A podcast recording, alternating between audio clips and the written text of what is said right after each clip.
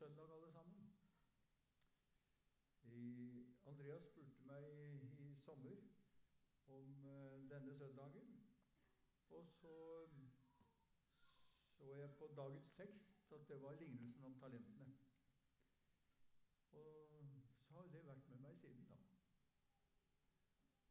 Så tilfeldigvis på mandag så var jeg innom uh, websidene til Misjonshallen. Si at det gjør jeg ofte, men det gjør jeg i grunnen ikke. Og så sa jeg Der sto det at eh, teksten som var satt opp, det var en av lesetekstene for i dag, fra 1. Korinterbrev 12 om, eh, om nådegaver. Så tenkte jeg nei, jeg kan ikke forlate talentene.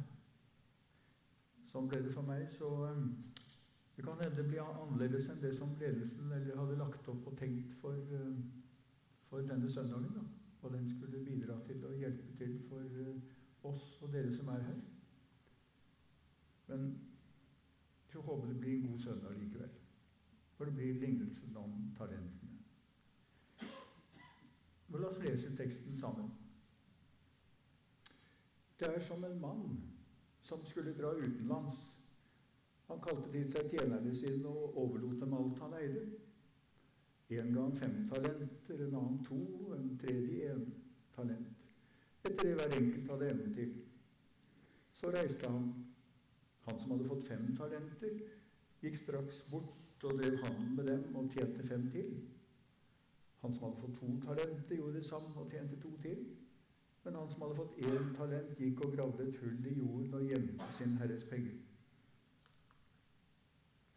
Da lang tid var gått, kom tjenerens herre tilbake og ville holde regnskap med dem.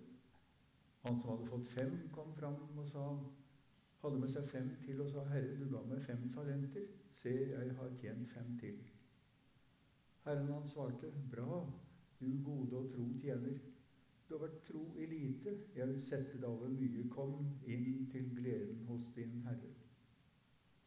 Også han med to talenter kom fram og sa, 'Herre, du ga meg to talenter. Se, jeg har tjent to til. Herren han svarte, Bra, du gode og tro tjener. Du har vært tro i lite, jeg vil sette deg over mye. Kom inn til gleden hos din Herre. Så kom også han fram som hadde fått én talent, og sa, Herre, jeg visste at du er en hard mann, som høster hvor du ikke har solgt, og sanker hvor du ikke har strødd. Derfor ble jeg redd og gikk og gjemte talenten din i jorden. Se, her har du ditt. Men Herren svarte ham, du dårlige og late tjener. Du visste at jeg høster hvor jeg ikke har sådd, og sanker hvor jeg ikke har strødd ut. Da burde du overlatt pengene mine til den som driver med utlån, så kunne jeg fått igjen med rente når jeg kom tilbake. Ta derfor talenten fra ham og gi det til han som har de ti talentene. For se, den som har, skal få, og det i overflod, men den som ikke har, skal bli fratatt selv det han har. Og kast den unyttige tjeneren ut i mørket utenfor, der de gråter og skjærer tenner.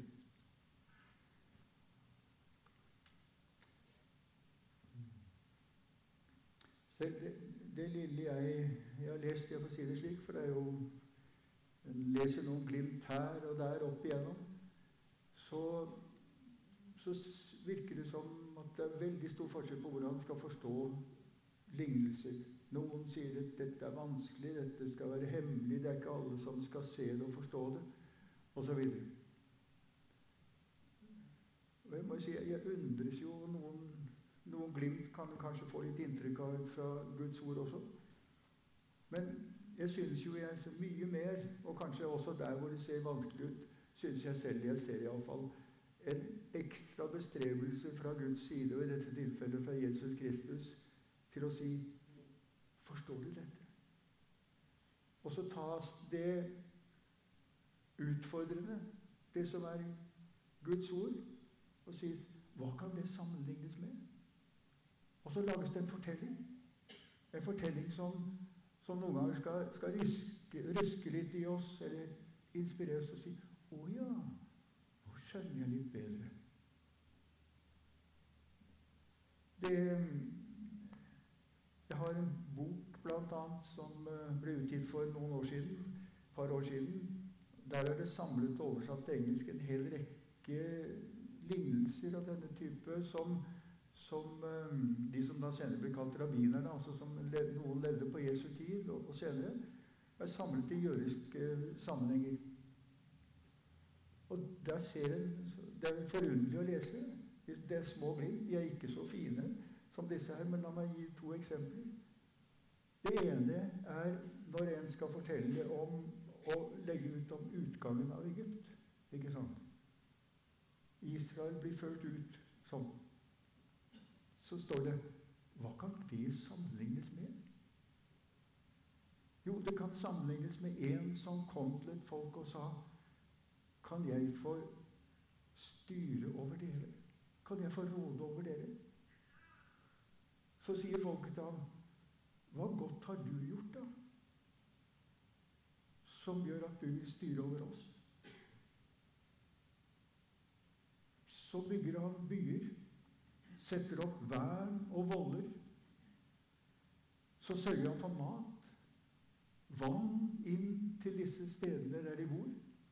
Og så kjemper han mot deres fiender. Og så kommer han igjen og spør kan jeg få styre over dere. Å ja, sier de. Og så legges det ut som slik Gud fører noen ut av Egypt og inn i Israels land. Eller når det gjelder dette med manna den, ikke sant? De fikk manna hver dag i ørkenen. Så står det en og sier Hva kan det sammenlignes med? Hvorfor fikk de ikke en gang i året? Jo, det kan sammenlignes med en konge som hadde en sønn. Og som han laget en ordning for, så han en gang i året så skulle han kunne komme og få alt han trengte. Og det gjorde han. Men han, faren så da bare sønnen en gang i året. Så endret han regelen. Så sa han jeg må se min sønn oftere. Så laget han en ny regel som sa hver dag kan du komme og få for denne dagen. Og etter det så fikk han se sønnen hver dag. Det er nesten som jeg syns jeg hører en aldri så liten utleggelse av Gi oss i dag vårt daglige brød. Så kan vi komme hver dag til Herren og si takk for denne dagen. Så det må jo være for at vi skal lære. Ikke sant? Det som er kanskje enda vanskeligere å forstå, så sier vi la meg prøve med dette eksempelet. Og at ikke de forstår alltid, det er jo ikke den som har vært lærer. Ja, den som er elev. De fleste av oss vi, vi innrømmer jo det at det er ikke alt vi forstår. Og selv om vi sier det klart Jeg har en god venn, det vil si han er død nå dessverre, som var lærer sammen med meg på Drottingborg. 20 år eldre enn meg og, et aldri så lite forbilde. Sånn usedvanlig flink lærer. Og han gjorde alt han kunne liksom for å prøve å forklare for elevene sine. Dette var praktiske ting, regnskap, økonomi og sånt. Men en dag så kom han inn eh, på lærerværelset helt opprørt. Han hadde godt selvbilde om at han var god. Også. Eh, for da hadde han lagt ut han litt vanskelige ting. Og ut på slutten av timen så var det en elev sånn, Lærer, lærer, lærer. Ja, så nå håpet han sånn som eh, lærere av og til håper på litt ros, vet du. Dette var flott. Du, går det ikke an å si det der enklere? sa han. Ikke sant? Så det hjelper ikke alltid om jeg prøver så godt en kan. I, i Lukas 12, etter at Jesus har brukt lignelsen om Vær som tjenere som venter på Deres Herres hjemkomst etter bryllupsfesten. Så sier Peter, ser du til, Herre, er det oss du sikter til, eller gjelder dette alle? Så de undres jo, de også. I, um, i Markus 4, det er et av de stedene hvor Jesus forteller om en såmann gikk ut for å så, så står det at Og da, var, da han var alene med de tolv, Og legg merke til Og alle de andre som fulgte ham, det var ikke bare tolv, så spurte de ham om denne lignelsen. Ikke sant? Hva, hva, hva mente du? Og da svarer han der at um, når ikke dere forstår denne lignelsen, hvordan kan dere da forstå enhver annen? Men så forklarer han. Sånn, så, så sånn, du, du, og jeg er overbevist om at Jesus Kristus, og i dette tilfellet Guds ord, får vi si, gjør det han på alle mulige måter for at du og jeg skal forstå. Ha glede og trøst av å få være sammen med ham.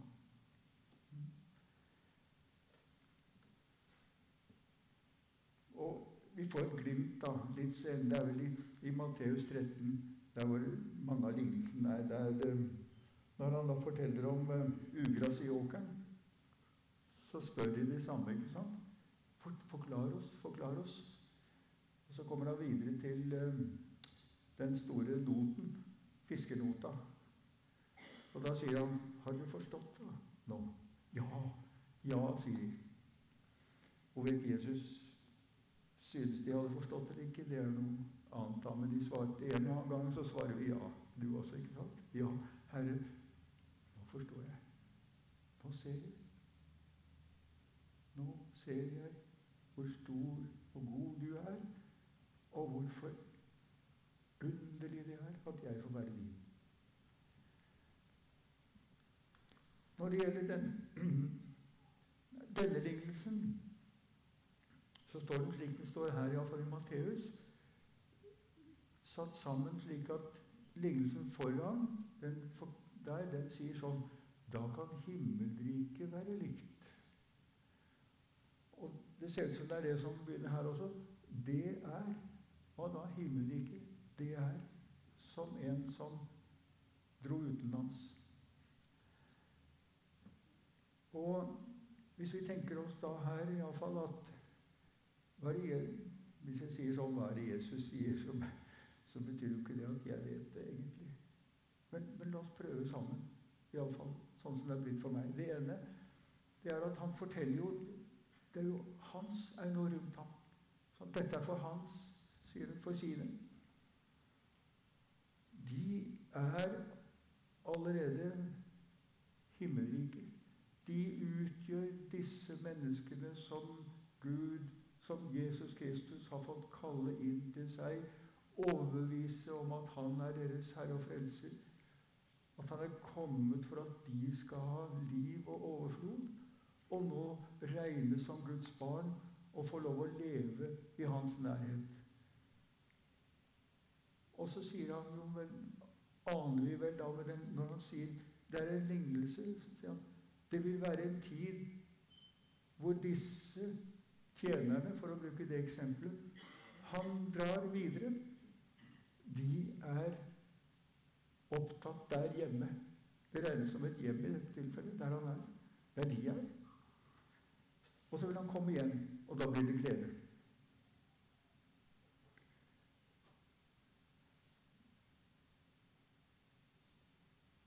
Vi som er hans vi som tror at Jesus Kristus er vår Herre og Frelser.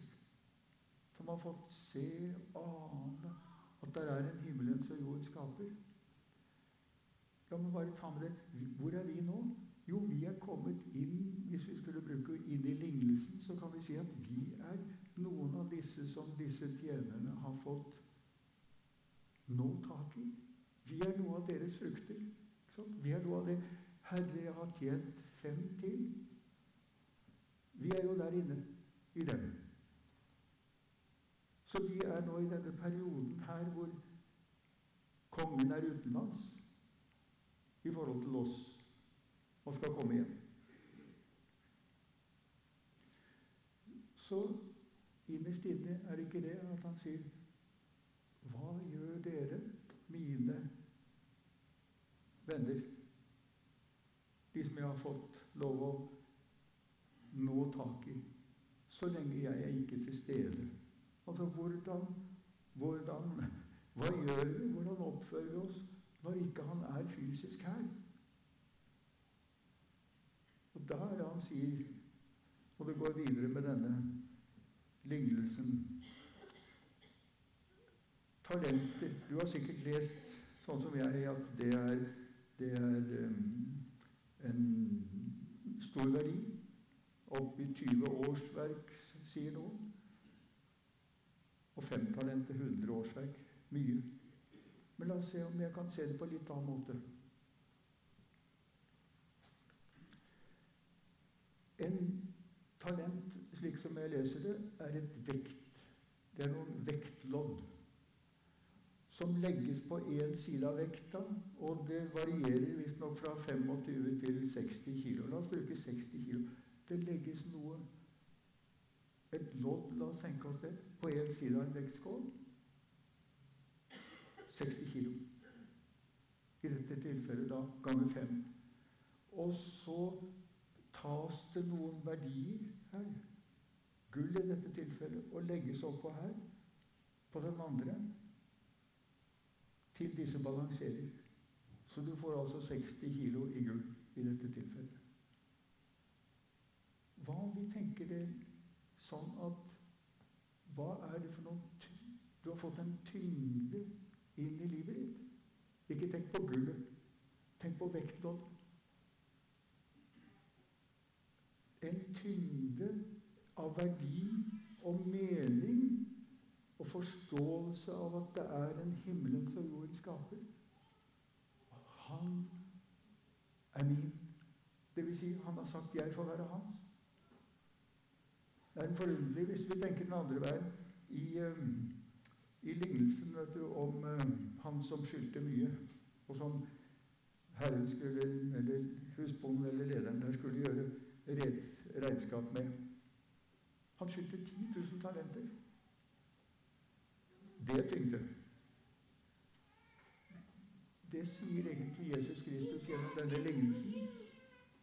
At betydningen av å få lov å være et menneske skapt av himmelens Gud Når det går galt, når vi kommer bort, når ikke vi ser meningen, ikke ser Han, vender oss vekk, så ligger det på oss som en tyngde som tilsvarer 10 000 talenter.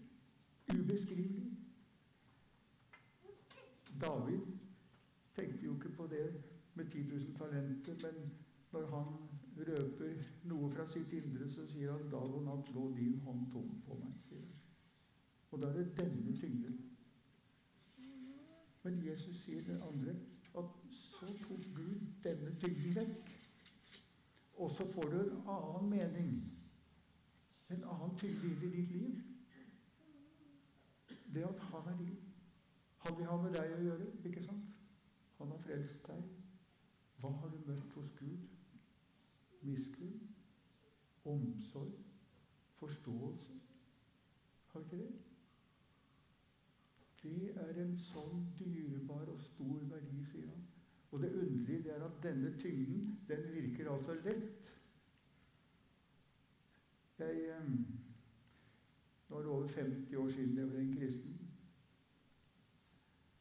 Jeg, jeg, kan, jeg kan, huske litt sånn, men jeg, kan, jeg har glimt gjennom livet da denne tyngden av Guds av forståelse av at Gud, himmelens og jordens skaper, han ville ha med meg å gjøre. At den er så, ble så overveldende at jeg føler liksom at du, du letter litt. Du vet ikke hvilke bein du skal stå på av og til. Hmm? Er ikke det rart? En mening inne, inne i sjel og sinn ikke sant? som er på den måten at det er en betydning, gjør det slik at jeg føler meg lett.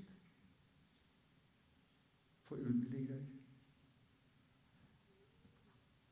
Og i denne, denne lignelsen, da her Hva er det disse gjør? Hvordan er de? Disse, det her er det en som har to, og en som har fem. La oss tenke dem sammen. Bare to. Det er noe hvordan, og Hva gjør de, og hvordan er de, står det, når Herren ikke er mellom dem fysisk.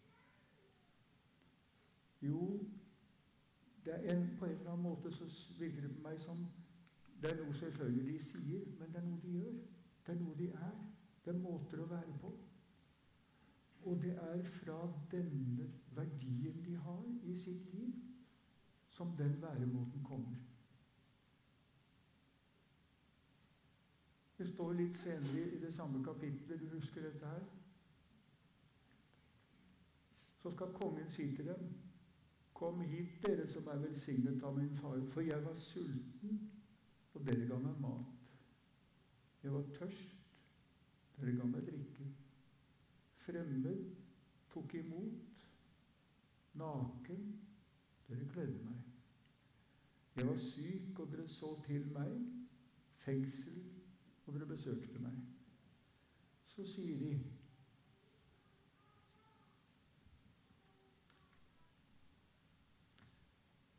Herre, når så vi deg slik? Når så vi deg slik? Er ikke det forunderlig? Så sier han ja, men dere gjorde jo det mot disse. Ja, men vi visste jo ikke at det var deg. Hvorfor gjorde dere det da?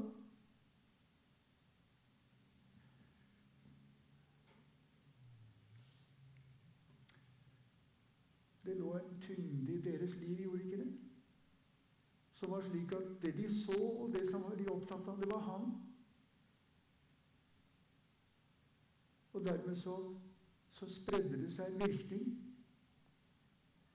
En virkning som gjorde at de så de andre, men de så ikke at det var Jesus. Poenget deres var ikke å hjelpe én fordi han var Jesus, eller fordi Gud hadde sagt det, men den tyngden i deres liv ikke sant?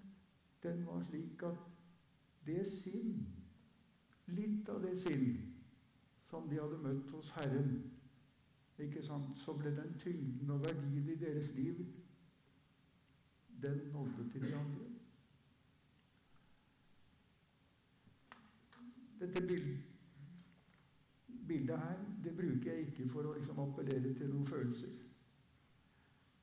Jeg tror ikke engang det klarer uttrykk, men det forteller litt om det møtet med Gud, møtet med Jesus Kristus.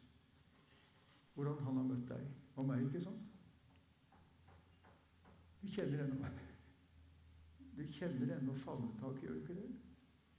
Får det hver dag. Det som sier om hva han tilgir, hvor stort det er, dyrebar han regner deg for og hva han har som han ønsker at du også skulle være med på, og jeg. Så sier han at når i møte med et annet menneske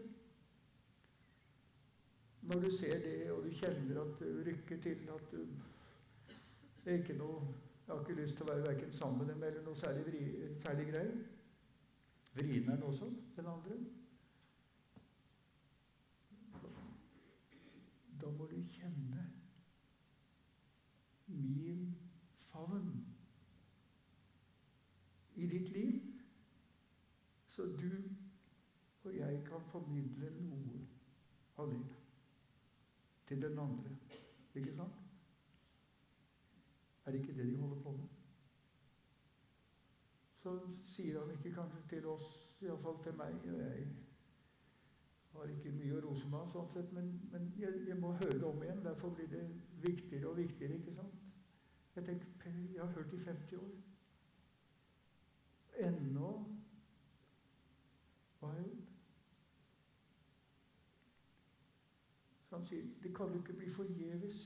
Han rysker i oss når, han, den, når, vi hører om den andre som vi skal ha med et lite øyeblikk. Så rysker han i oss og sier du har vel ikke tenkt at det skal behøve å gå sånn? At det skal være forgjeves for deg. At det skal være forgjeves for de andre i dine omgivelser. At jeg klemmer deg hver dag. Ikke sant? Vi hører om denne ene. Den ene dette er jo et eksempel. Det har ikke gått slik. Det har ikke det. Det er jo for å si at du, du har ikke tenkt at det skal være sånn med deg, med meg. For han, hva sier det? Det rare er jo ved det eksempelet som Jesus gir her. Det er litt rart. Vedkommende trodde også han at han gjorde rett. Ikke sant? Er ikke det forunderlig? Han trodde han gjorde rett. Sa Men han hadde, han hadde en forståelse av denne Herren som var helt annerledes enn de andre. De to andre, ikke sant? Han sa Du er en hård herre. Ikke sant? Vi har sett at du høster der du ikke sår, og du sanker der du ikke strødde. Og derfor er jeg redd. Og så har jeg gjemt unna. Jeg har ikke brukt det. Ikke tatt vare på det. Dette, dette tør jeg ikke røre. Her har dere Lignelsen sier ikke at eh, Kanskje Lukas egentlig får fram disse, ord, disse nyansene som ikke kommer med her. For i eksempelet i lignelsen så sier Jesus der at uh, etter dine ord dømmer jeg deg. Han sier ikke det at han er en hard herre, men han sier du, du regner meg som det. Da er, selv da er det du har gjort, feil forstått. Hva jeg har, så burde du gjort alt du kunne for å passe på at du møtte mine krav. Det har du ikke gjort. Ikke sant? Så de er disse linjene som Jesus sier, som vi møter noen steder når han snakker til i dette tilfellet noen skriftlærde. Dere stenger himmelriket for menneskene. Selv går dere ikke inn og de som vil inn, hindrer dere. Er ikke det litt av det eksempelet her? Han legger talent, han legger verdien han har fått, til side. Har ingen betydning for ham. Det får ikke noe verdi i hans liv. Det er tydelig, Det er forgjeves. Og ikke er han ute blant de andre. Ikke sant? Han er ikke ute der, der de andre er. De er her hos den, og så er de der borte hos ulike. Der. Han har lagt alt sammen til side. Det er nesten som det hører Det klinger dette igjen. ikke sant? Du har tatt bort nøkkelen til kunnskapen. Den har du hatt. Selv gikk dere ikke inn, og de andre hindret dere.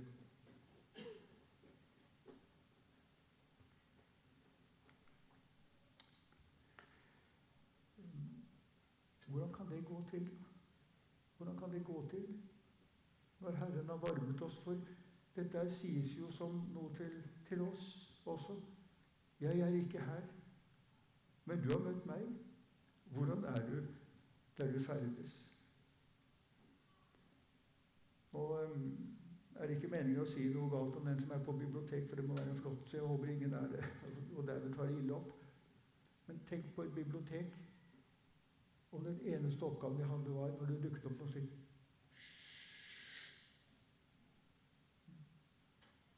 Noen prøvde å prate og gå bort og bla litt i bok.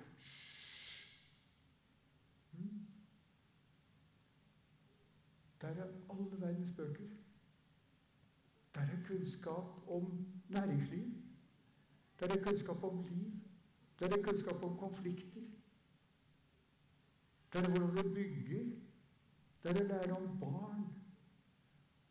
Tenk om det eneste jeg da gjorde midt i dette, var å si til den som kom inn, for å prøve å lære noe. Jeg skulle kanskje brukt mer konkrete eksempler. Ehm, da barna våre var små, kanskje sikkert før, kanskje jeg lærte av mine foreldre hvem vet.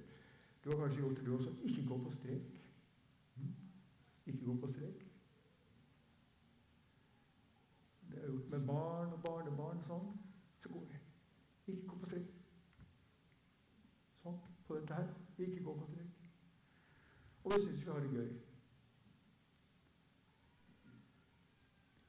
Men tenk om det var det jeg skulle fortelle alle andre. Si at sånn skal du gå gjennom livet.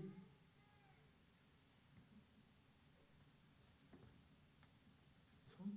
Eller om jeg sto på siden der de andre går og sier Å, strekk, strek, strek, strek. Mm.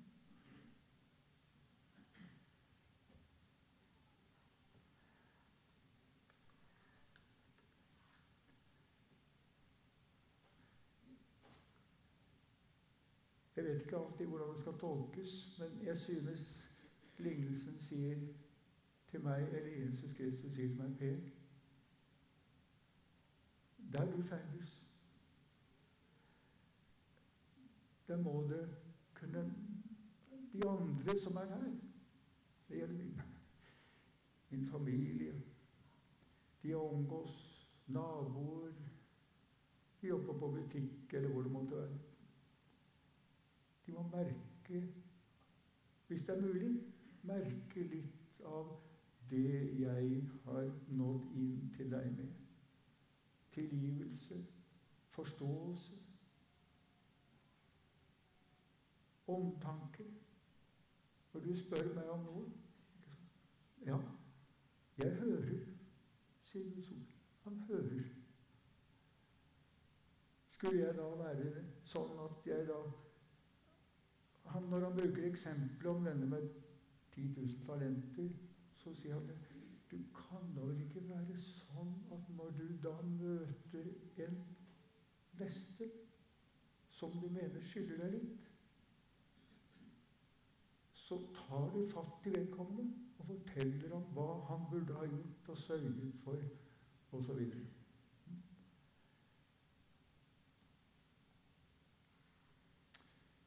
Det er noen få som jeg møter innimellom, som er litt ukjente og av og til har vanskeligere, forstår jeg.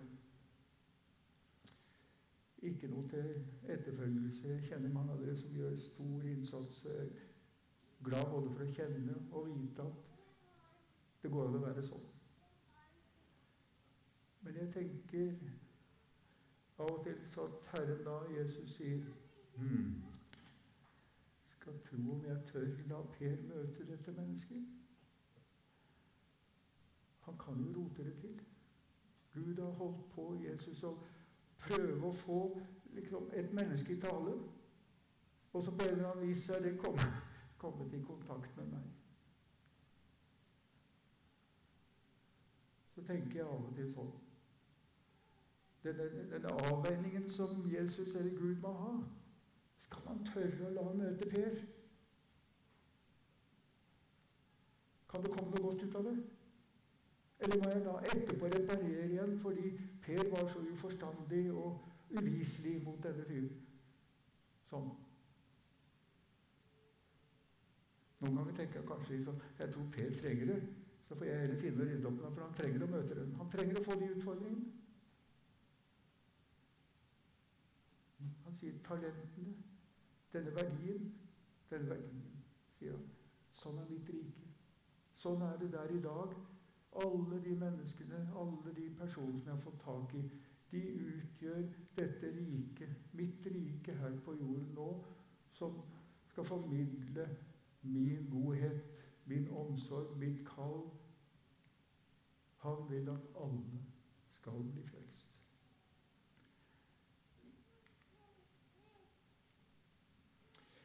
Bare til slutt en um, lille glimte fra, fra Husker du Nesops ikke sant, om nordavinden som skulle hvem, Sola eller nordavinden som skulle prøve å få, få um, frakken av denne karen. Nordavinden blåste kaldt og surt og vrient og gjorde det, og vedkommende bare hutret og dekka seg til mer. Så kom sol, varme, omtanke. Å, deilig. Av og til så tenker jeg sånn.